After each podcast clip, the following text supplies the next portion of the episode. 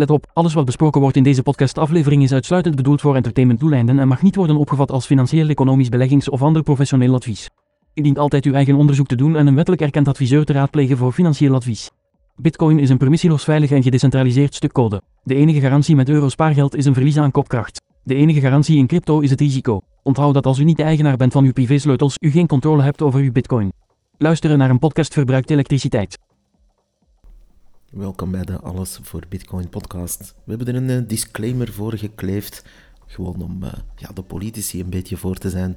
Moesten ze binnen vijf jaar nog eens uh, in actie schieten. Uh, ja, het is wel grappig. maar goed, dit is aflevering 65 op 21 maart 14 anno Satoshi. De blokhoogte is 781.845. In euro is 1 bitcoin 26.279 waard. En dat is dan 28.254 US dollars. Uh, en daarmee uh, zou je in principe 5712 Big Macs kunnen kopen. Dat ter vergelijking. Um, alles voor Bitcoin Podcast, de onafhankelijke reclamevrije stem van de Belgische Bitcoiners. Je kan ons vinden op eender welke podcast-app, Spotify, Apple, noem het maar op.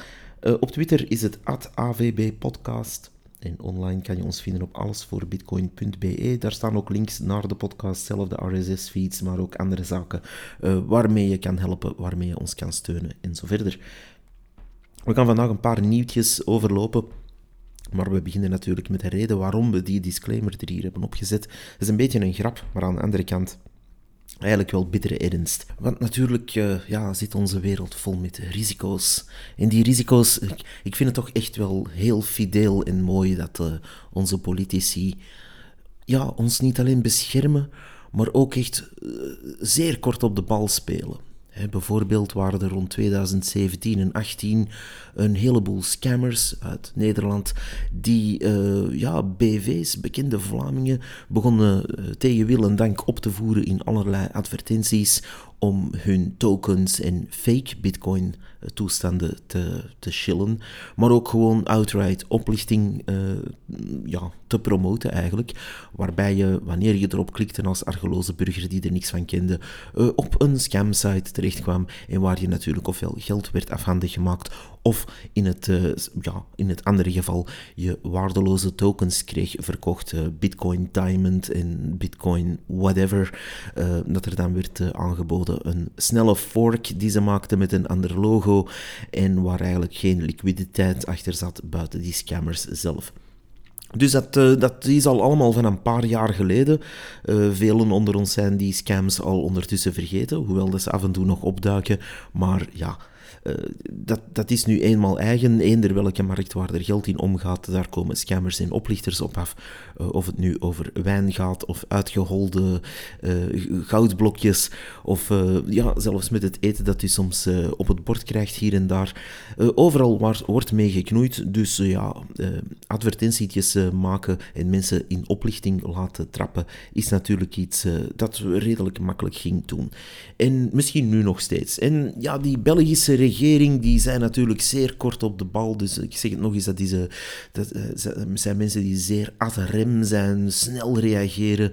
En het is dan ook wel heel knap om te zien dat ze nu in 2023... Um, toch een beetje hebben gereageerd op al dat gedoe van die, uh, die scams uit die uh, crypto-wereld. en daar dan nu een uh, zeer harde wet hebben gemaakt, waarbij mensen die daar dus een advertentie willen maken voor een of andere rommeltoken, rommeltoken XIZ zal ik het dan noemen. En als u dat dan wilt aanbieden, die to token XIZ, dan moet u daarvoor zetten het zintje het enige, de enige garantie in crypto is risico. Nu, ja, we kunnen daar eens uh, smalelijk over doen, maar het is eigenlijk wel diep triestig dat onze politici zo traag reageren, uh, zo weinig van zo'n markt kennen en dan ook nog de illusie schijnen te hebben dat dit iets gaat doen. Um, ik kan u al verzekeren, um, ik ken die markt vrij goed en ik ken ook veel mensen die die markt vrij goed kennen. En dan zeg ik niet de scammermarkt, maar de de bitcoinmarkt vooral. En wij zien heel wat scams passeren. Dus vandaar uh, kan ik u wel verzekeren dat dat niet gaat stoppen. En die mensen gaan gewoon hun taalgebruik aanpassen. Die mensen gaan hun tactieken enigszins uh, aanpassen misschien, maar die gaan nog steeds even hard mensen oplichten. Dus het is natuurlijk een maat voor niets. Dat zien we van uh, heel ver aankomen. Net zoals uh, er nog steeds overal lustig gerookt wordt. Uh, ook op plekken waar dat eigenlijk niet mag. Hoewel dat er al heel lang gruwelijke foto's op de, ja, op de pakjes sigaretten prijken. Dus dat doet allemaal heel weinig. Integendeel, ik heb zelfs de indruk dat er meer gerookt wordt. Maar ja, cijfers uh, heb ik daar niet over. Dus dat is gewoon maar mijn persoonlijke indruk. Maar uh, het is de mensen hun persoonlijke vrijheid om dat ook te doen. Dus als u wilt roken, dan is dat uw vrijheid. het is bij wet niet verboden natuurlijk. Maar om dat af te raden, gaat men daar dan advertentie gaan aanpassen. En dat zien we bij andere middelen ook. Nu vraag ik mij af wanneer ze zo averse zijn aan risico eh, de Bel 20-index. Als we bijvoorbeeld kijken naar de objectieve cijfers van de aandelen van de Bel 20-index, dan zien we dat die uh, aandelen die daar genoteerd in staan, gemiddeld een 18,5% volatiliteit hebben. Dus niet allemaal tezamen al hun volatiliteit, want de Bel 20 is niet zo volatiel natuurlijk, maar die individuele aandelen uh, op zich hebben elks een gemiddelde van een 18,5% volatiliteit. Um, nu, ja goed, uh, dat is op zich uh, nog niet zo erg, maar als we dan bijvoorbeeld kijken naar iets als KBC, een, een, aandeel dat toch heel veel mensen na aan het hart ligt hier in België, omdat dat zo'n beetje ja, onze trotse bank is, een, een grote bank toch, die vertrouwen en stabiliteit uitstraalt. En uh, ja, daar zien we toch ook wel, wanneer je dan de, de chart open doet van de, de laatste vijf jaar, dan zie je daar toch wel heel veel bokken Nu, dat is, uh, dat is misschien normaal, ik weet het niet, maar dat lijkt me toch ook enig risico in te houden. Wanneer u uh, een aandeel, en ik ga er nu niet één uh, uitpikken, maar gewoon, ik heb hier een chart voor mij van een aandeel dat uh, bijvoorbeeld op een bepaald moment rond 5 uh, euro stond en dan naar 22 ging, 40, terug naar rond de 20. En, dus dat zijn ja, gekke, bek, gekke bokkensprongen die zo'n ding maakt, maar daar staat geen disclaimer voor. Dus wanneer bijvoorbeeld een grootbank een bepaalde reeks advertenties wilt maken, ja, dan staat daar ook geen disclaimer bij dat, dat uh, de enige garantie is risico. En ja, je hebt maar alles risico. Dus wat is de bedoeling eigenlijk? Uh, als ik hier gewoon de straten oversteek, ik woon in Antwerpen zelf, uh, ja, dat is risicovol.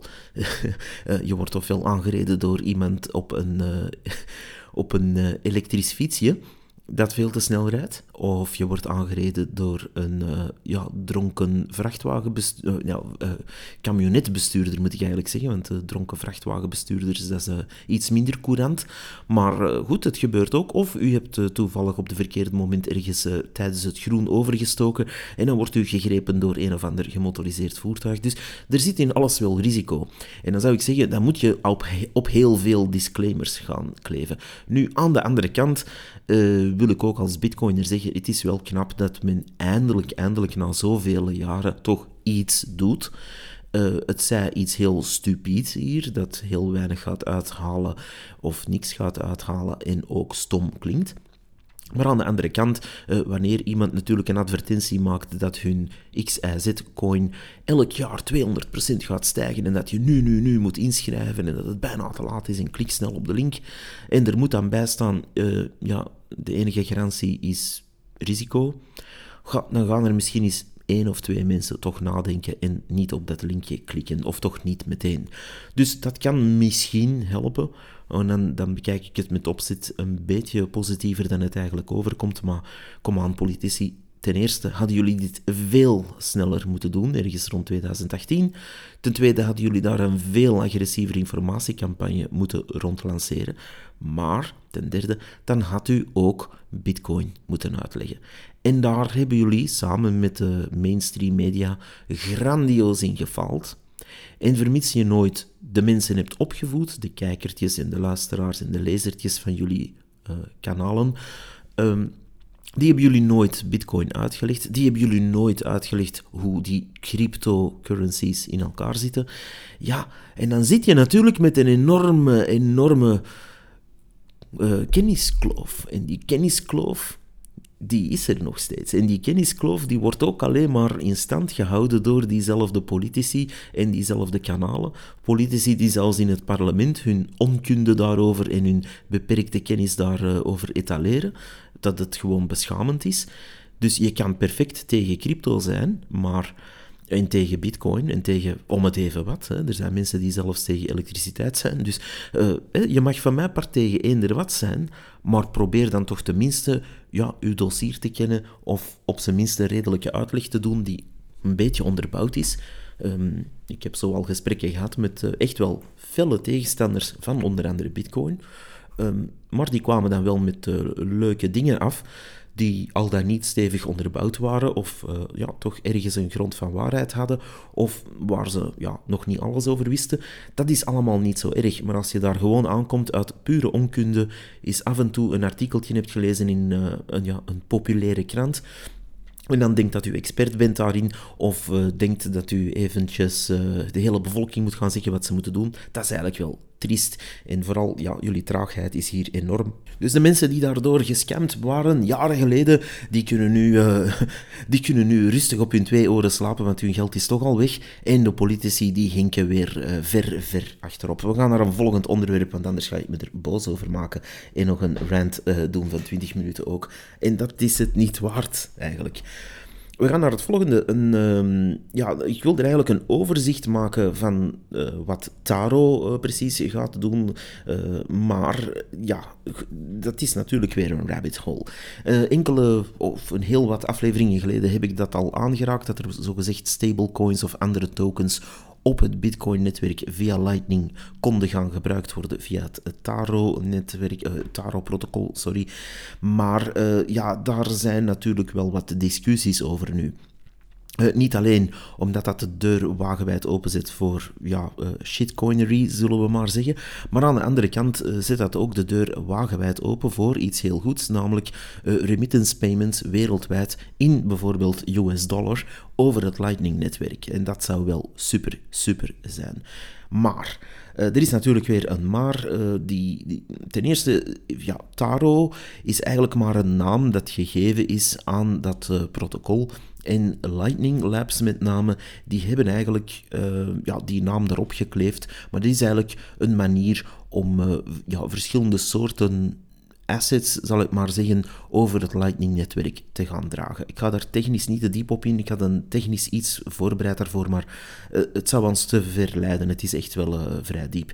Maar uh, wat blijkt, er is dus een, een ander een ander bedrijf en dat heeft ondertussen Lightning Labs een uh, rechtszaak uh, voor de rechter gesleept uh, om eigenlijk puur over die naam het te hebben. Dus er is ook Tari Labs en die hebben eigenlijk ja, de Lightning Labs mensen in december voor de rechter gedaagd. En die hebben daar ook een voorlopig gelijk gehaald, waar er dus eigenlijk een voorlopige... Um, ja, een voorlopig verbod is om die Lightning Labs verder die Taro te laten ontwikkelen en zo te laten noemen. Uh, er is discussie over die naam en ja, blijkbaar konden ze het er absoluut niet over eens geraken. We laten ons het daarbij houden, want ja, er wordt natuurlijk wat heen en weer uh, daarover, dat de ene de andere verwijt de naam absoluut niet te willen hebben veranderd uh, zien, en, en, noem het maar op. Maar ja, dat is eigenlijk wel triestig om te zien, want het is eigenlijk een open source project. En ja, de naam van een open source project zou op zich geen issue mogen zijn, maar blijkbaar is het dat wel. Nu, die RGB, dat is uh, eigenlijk een beetje de concurrerende, of het concurrerende protocol van die Taro. En dat maakt eigenlijk ook gebruik van smart contracts om dus die meer geavanceerdere functies te kunnen doen, uh, zoals het instellen van voorwaarden en het, uh, ja, die token uitgaven die dan op het Lightning-netwerk zou gaan gebruikt worden, um, gaan, ja, gaan regelen. Dus die beperkte toegang en die programmability van die tokens wordt daar geregeld. Nu, um, Taro en RGB doen eigenlijk uh, min of meer hetzelfde. Um, in die zin dat, uh, ja, dat ze allebei hetzelfde eindtool hebben. De technische implementatie is daarentegen wel vrij verschillend. Uh, Taro zou ervoor zorgen, of de oplossing van Lightning Labs moet ik zeggen, zou ervoor zorgen dat eigenlijk minder um, wallets compatibel met dat protocol zouden kunnen worden uh, wanneer ze dat strikt gaan toepassen. Dat heeft allerlei technische redenen. Um, en RGB is eigenlijk meer op gebruiksgemak gericht, maar waar het er vooral uh, op de achtergrond op neerkomt, uh, dat heel veel wallets gewoon uit de boot zouden vallen, waar ja, de compatibiliteit helemaal zoek is. Dus er zijn eigenlijk twee slechte oplossingen. Die ene is wat ja, makkelijker te gebruiken dan de andere. En ze zijn daar eigenlijk nog mee ja, een beetje aan het zoeken hoe ze dat precies moeten gaan doen. Nu, ja, het is wel zo dat uh, uh, Lightning Labs aan hun kant een heel groot deel van de markt heeft, nu al van die LND-nodes. Dus we gaan zien wie daar eigenlijk uh, ja, aan het kortste eind trekt. Ik vermoed dat Lightning Labs alleen al door hun naam en door hun aanwezigheid in de markt het gaan halen. En waarschijnlijk gaat er gewoon een andere naam op die Taro gekleefd worden. Het maakt niet uit wat eigenlijk, uh, hoe dat ding gaat noemen. Maar uh, ja, daar is dus een hele discussie over. En dat is natuurlijk wel jammer om te zien dat dat op deze manier moet, moet gebeuren. Um, dus ja, het handelsmerk Taro, ik vermoed dat dat dan uh, zal verdwijnen of op een andere manier zal gebruikt worden. Uh, over die technische aspecten, daar gaan we het op een andere keer diepgaander over hebben, wanneer er ook echt uh, ja, die eerste, bijvoorbeeld een, een US-dollar-achtige token of een echte stablecoin over Lightning gaat gestuurd worden. Um, men is daarmee aan het experimenteren en misschien staat het al wel vrij ver, maar ja, vooralsnog kan u dat nog niet zomaar eventjes doen. toch niet wereldwijd. Dus dat, um, dat gaan we zeker opvolgen moest daar een experiment mee gebeuren, dan uh, gaat u daar zeker uh, meer van horen, want dat is op zich wel zeer interessant. Omdat natuurlijk het gebruiksgemak van, uh, gebruiksgemak van Lightning zelf, ja, dat kennen we ondertussen als bitcoiner wel allemaal, hopelijk toch. Moest dat niet zijn, beluister dan mijn aflevering starten met Lightning-netwerk, alsjeblieft. Maar uh, ja, normaal gezien is iemand binnen de vijf minuten daarmee opgestart. Je moet daar ook weinig of niks van kennen. Je kan gewoon met een Lightning Wallet aan de slag. En dan, uh, ja, dan kan u eigenlijk zeer makkelijk en zeer, zeer, zeer snel, maar ook zeer, zeer, zeer goedkoop, lees gratis, um, ja, uh, een transfer doen tussen twee wallets. En op die manier uh, kan u dat wereldwijd doen, maar niet alleen dat. op die manier zien we ook bijvoorbeeld op Noster, op dat social network, enorm veel mensen elkaar zappen, zoals ze dat dan zeggen. korte, kleine funds heen en weer sturen over het Lightning-netwerk. En dat gaat zo goed als instant. Dus dat is echt wel knap. Iemand doet daar bijvoorbeeld een, uh, een post op en iemand vindt daar een chart of wat dan ook leuk aan. En dan, uh, ja, dan krijg je daar soms 21 Satoshi gewoon gestuurd, omdat iemand jouw post tof vond. Dus, um, en dat kan allemaal mogelijk gemaakt worden wereldwijd, anoniem en gratis en distributed dankzij Lightning-netwerk. Moesten we hetzelfde ook kunnen doen met een stablecoin op het Lightning-netwerk? Ja, of je daar nu voor of tegen bent, want er zijn ook tegenstanders van het is wel een interessant gegeven op zich voor heel veel landen vooral om dat uh, te kunnen doen. Want ja, uiteraard is het soms wel interessant om iets uh, in US dollar te kunnen heen en weer zenden zonder al te veel kosten.